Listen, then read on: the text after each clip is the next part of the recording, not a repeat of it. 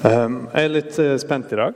For jeg skal snart lese en uh, salme som står i Bibelen, den som står bakpå uh, arket ditt. Og Jeg vil tippe dere er den eneste kirka i landet der dere får høre hele salmen. For det er komiteer som velger ut hva tekster som skal leses.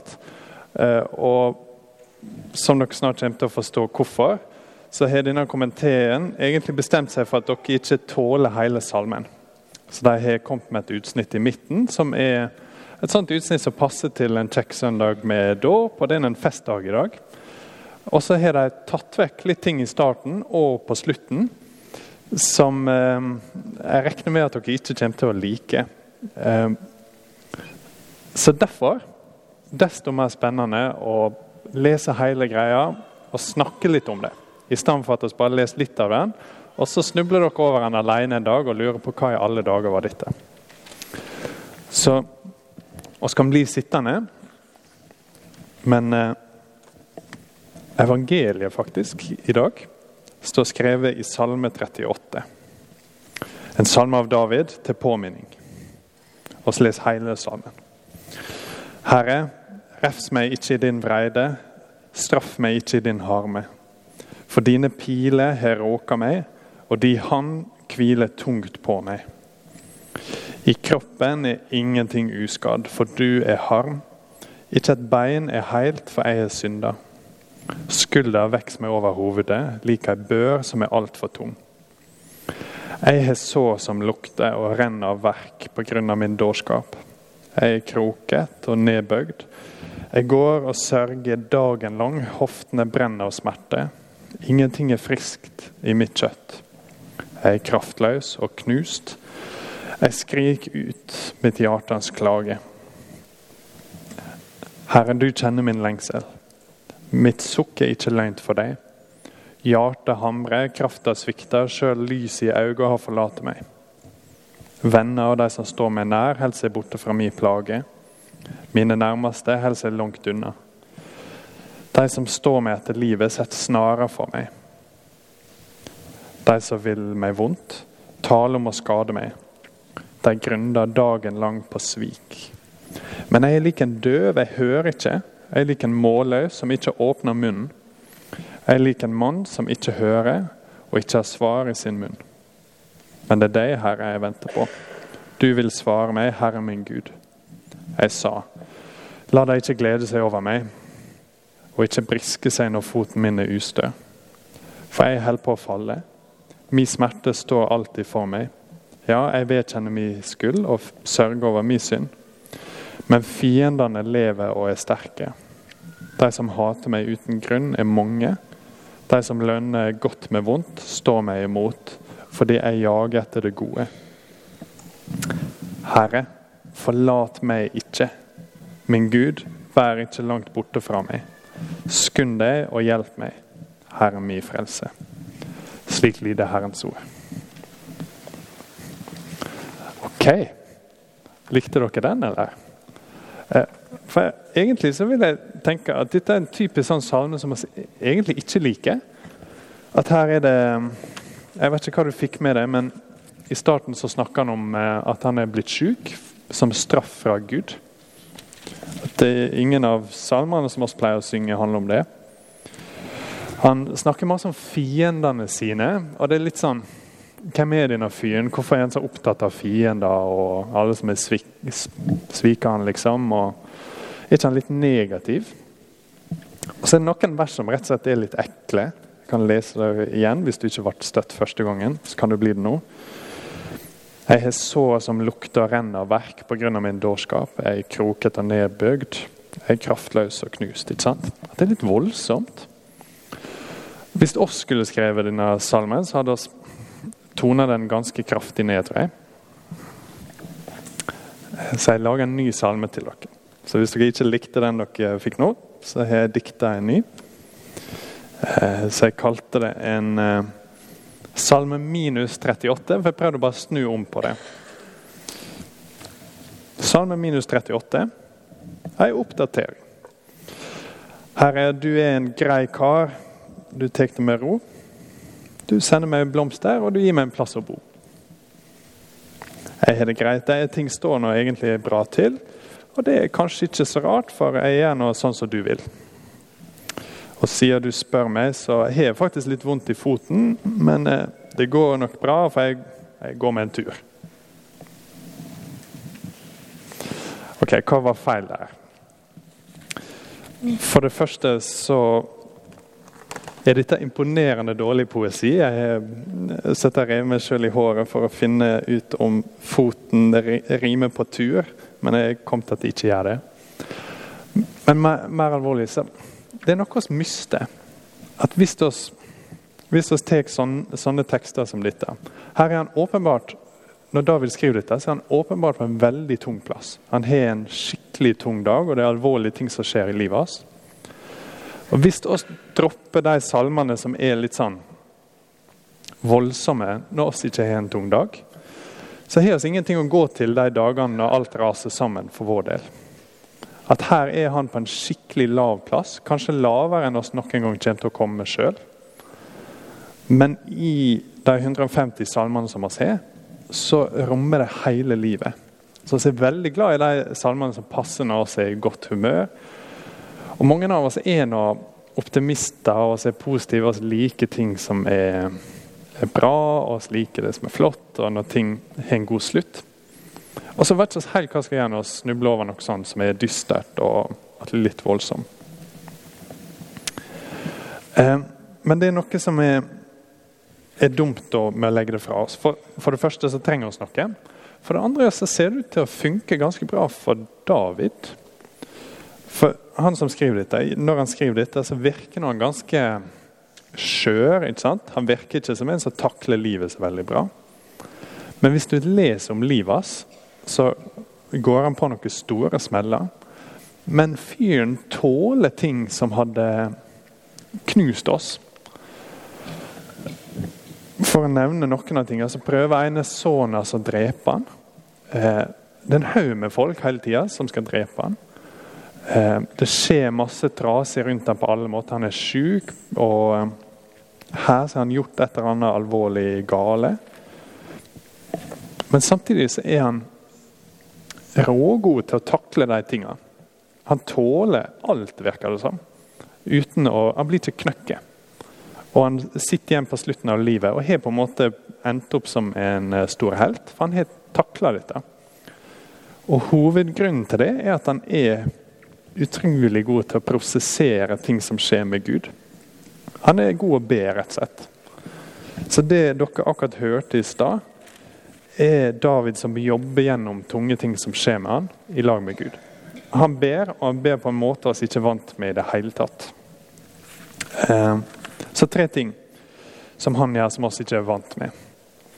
Det første er at han, som dere så, han ser at Gud korrigerer han. Gud holder på å rette noe som ikke er bra i David, gjennom sykdom. Så han ser at eh, han lider, og da prøver han å høre hva Gud vil si til ham. En veldig veldig uvant ting. og Vanligvis vil vi ikke pirke borti det med en lang kjepp engang. Skal se litt på det nå, men vi har ikke tid til å gå helt inn i det. Ehm, men David er vant med det. Andre tingen, jeg vet ikke om dere la merke til det, er at når ting skjer rundt han relasjonelt, når folk svikter han, eller folk blir hans fiende, så sier han ingenting. Han sier ingenting til andre folk, han baksnakker ikke. Han, ikke, han har ikke en konstant eh, dialog gående med folk for å prøve å løfte seg sjøl opp. Sier ingenting. Og så dumper han alt på Gud. Og det er vi for å se eh, litt i midten av salmen her.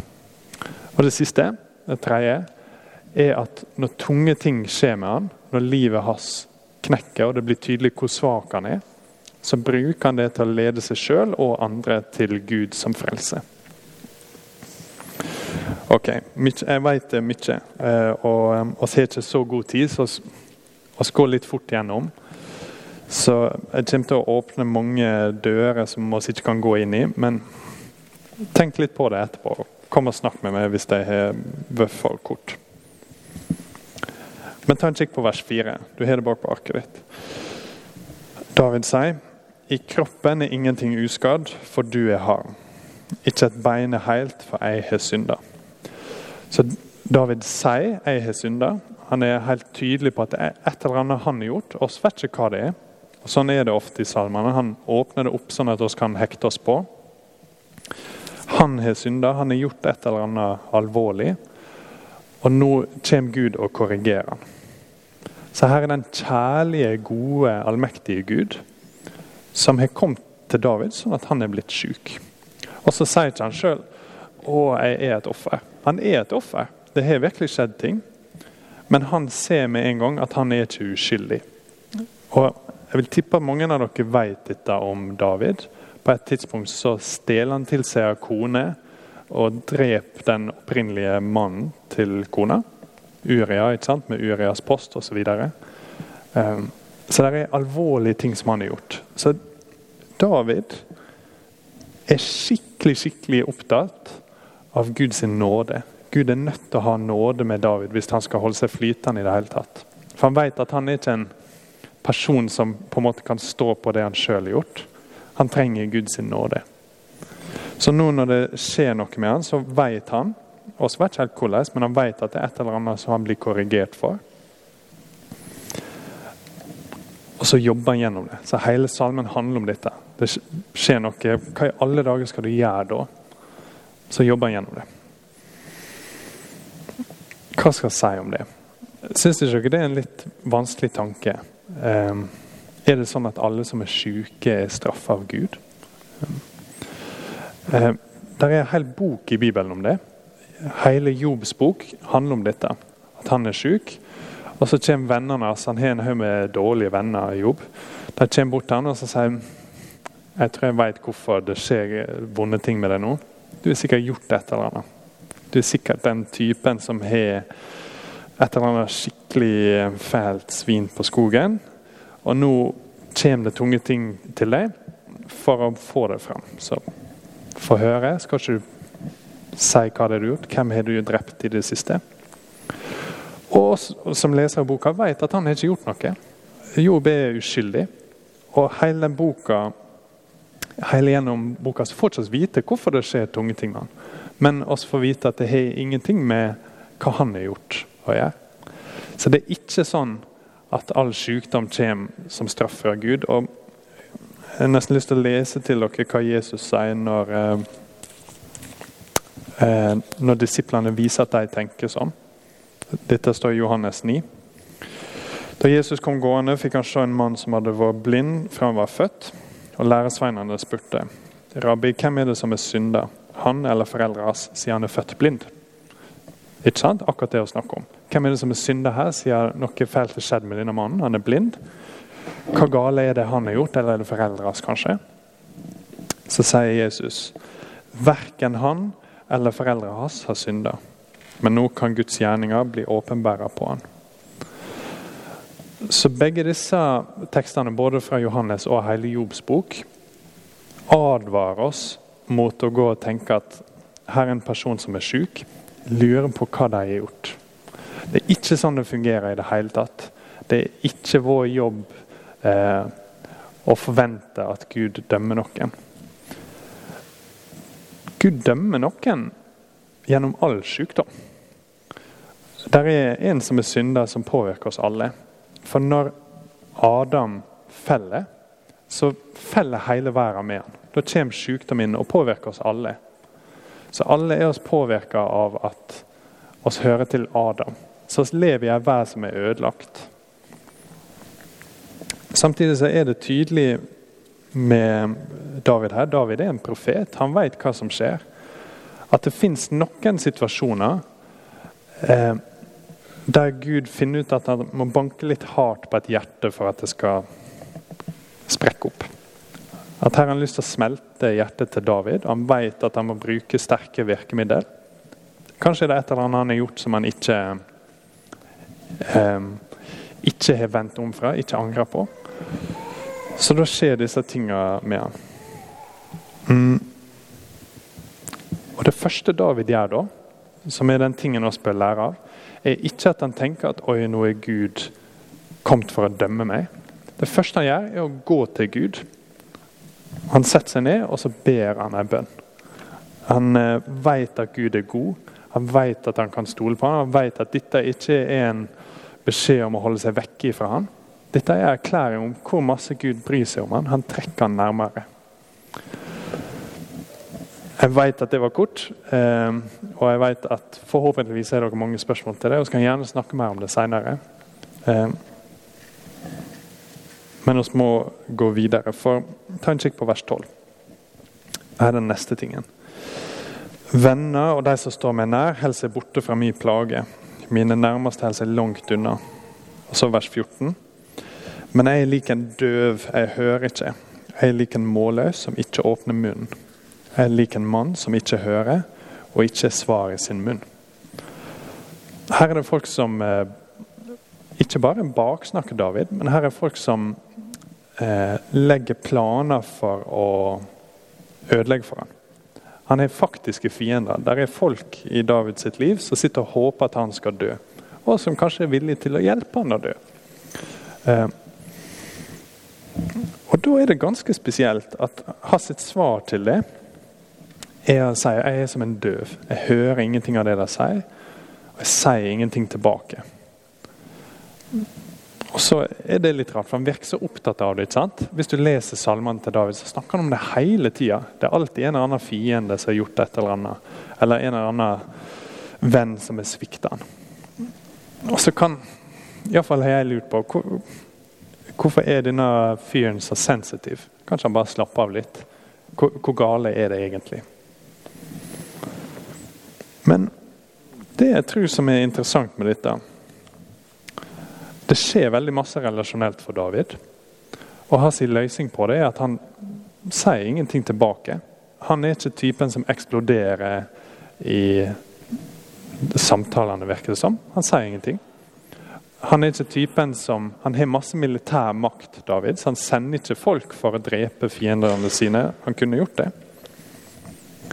Han sier ingenting. Han hører ingenting. Og så går han til Gud, sånn som dere akkurat las, og pøser det ut for ham. Der er han så opptatt av det at han sier ærlig talt, jeg har venner som står meg nær, og nå holder de seg langt vekke fra meg fordi jeg har det vanskelig. Det er en kjempetung ting. Men med at han eh, er så flink som han er til å legge det framfor Gud, med at han har et så nært og personlig forhold til Gud, så får han jobbe gjennom det. Og jeg tenker da, På et tidspunkt så er kongen av landet David bor i, han er ute etter å drepe han.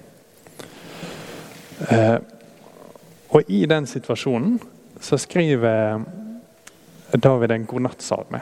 Han har I fred vil jeg legge meg ned og sove, for du, Herre, enest du, let meg hvile trygt.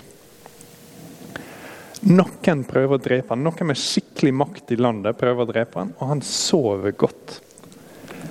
Det er en helt crazy ting. Hvis noen sier et litt sånn skarpt ord til oss på jobb, så ligger oss våkne om natta kanskje oss eksploderer og sier noe tilbake til dem. Så jeg vil tippe at grunnen til at David snakker så masse om disse tingene, og kan si så lite dumme ting tilbake til folk, er at han er så opptatt av å si det til Gud som han er. Ok, Siste tingen. David bruker sin svakhet og sin lidelse til å lede seg sjøl og oss til Gud. For der er utvikling i eh, salmen. Hvis du ser på vers 16, så sier han plutselig Men det er deg, Herre, jeg venter på. Du vil svare meg, Herre min Gud. Og helt på slutten Herre, forlat meg ikke, min Gud, vær ikke langt borte fra meg. Skund deg og hjelp meg, Herre min frelser. Ofte, ofte hvis du hører folk fortelle noe vanskelig de har vært gjennom, så får du høre det etterpå. Så de sier kanskje at jeg var veldig langt nede, jeg hadde det veldig tungt. Men så skjedde det og det, og nå går alt bedre. Så nå kan jeg gjerne fortelle hvordan jeg har det. Den er litt sånn her. Han skriver noe med tilbakeblikk. Men denne salmen er også prosessen. I starten av salmen ikke sant, så er han helt Selvopptatt er kanskje feil ord, men han er helt oppslukt av hva som er gale for han. Og Alt handler liksom om hvor tungt det er. og eh, hvor kjipt han har det, og hvor mange venner han har som, eh, eh, som sier dårlige ting om han og sånn. Så for å se en gradvis utvikling til han, at han finner fred. Når David kommer til det siste verset, her, så har han faktisk funnet ut hvor han skal gå. Han skal gå til Gud. Gud, du er min frelse. Du må skynde deg, og du må hjelpe meg. og Du må ikke forlate meg, og du må ikke være langt bort fra meg. Det er faktisk skjedd noe i hjertet til David fra vers 1 til vers 23. At han er en annen person når han er ferdig med dette. Han har faktisk brukt hele prosessen med det som har skjedd ham, til å ta seg sjøl til Gud. Og han har lyst til å gjøre det samme for oss. For Jesus, når han kommer, så har Jesaja hatt en profeti om han for lenge siden, lenge før. Som dere kanskje har hørt. Sannelig, våre sykdommer tok han, våre smerter bar han. Oss tenkte han er ramma, slegen av Gud og plaga. Men han ble såra for våre brudd, knust for våre synder. Straffa lå på han, vi fikk fred, ved hans sår ble vi lekte. Hvis det nok en gang var en mann som ble svikta av sine fiender og svikta av sine venner Hvis det nok en gang var en mann som så ut som han var dømt av Gud fordi han var syk Han henger på et tre, og det blir mørkt, som er et tegn på Guds dom i Det gamle testamentet. Og det ser ut som alle svikter han, og Gud dømmer han. Og så sier Jesaja at straffa lå på han. Vi fikk fred. Ved hans så ble vi lekte. I den salmen som David har skrevet her, så ender han opp med å vise oss litt mer av hvem Jesus er. For Jesus er den som så ut som han var dømt av Gud. Men egentlig så var det vår synd som Gud hadde lagt på han, sånn at oss aldri skal bli tatt vekk fra Guds nærhet hvis vi kommer til han i tru. Og Det var han som så ut som alt håp var ute, at han ikke hadde noen venner. Som egentlig gjorde dette for å vise at den som har størst kjærlighet for sine venner, er den som gir livet sitt for dem. Våre sykdommer tok han, vår smerte bar han. Sånn at uansett hva som skjer med oss, om vi har skikkelig tunge dager, og er syke eller virkelig lider, eller om vennene våre svikter oss og fiendene våre plutselig finner ut hvordan de skal ta oss, så kan vi ha fred. For Kristus er gått gjennom tusen ganger verre enn hva som noen gang kan ramme oss. Sånn at han kan være med oss i alt, og sånn at han kan garantere oss evig liv med han. La oss be.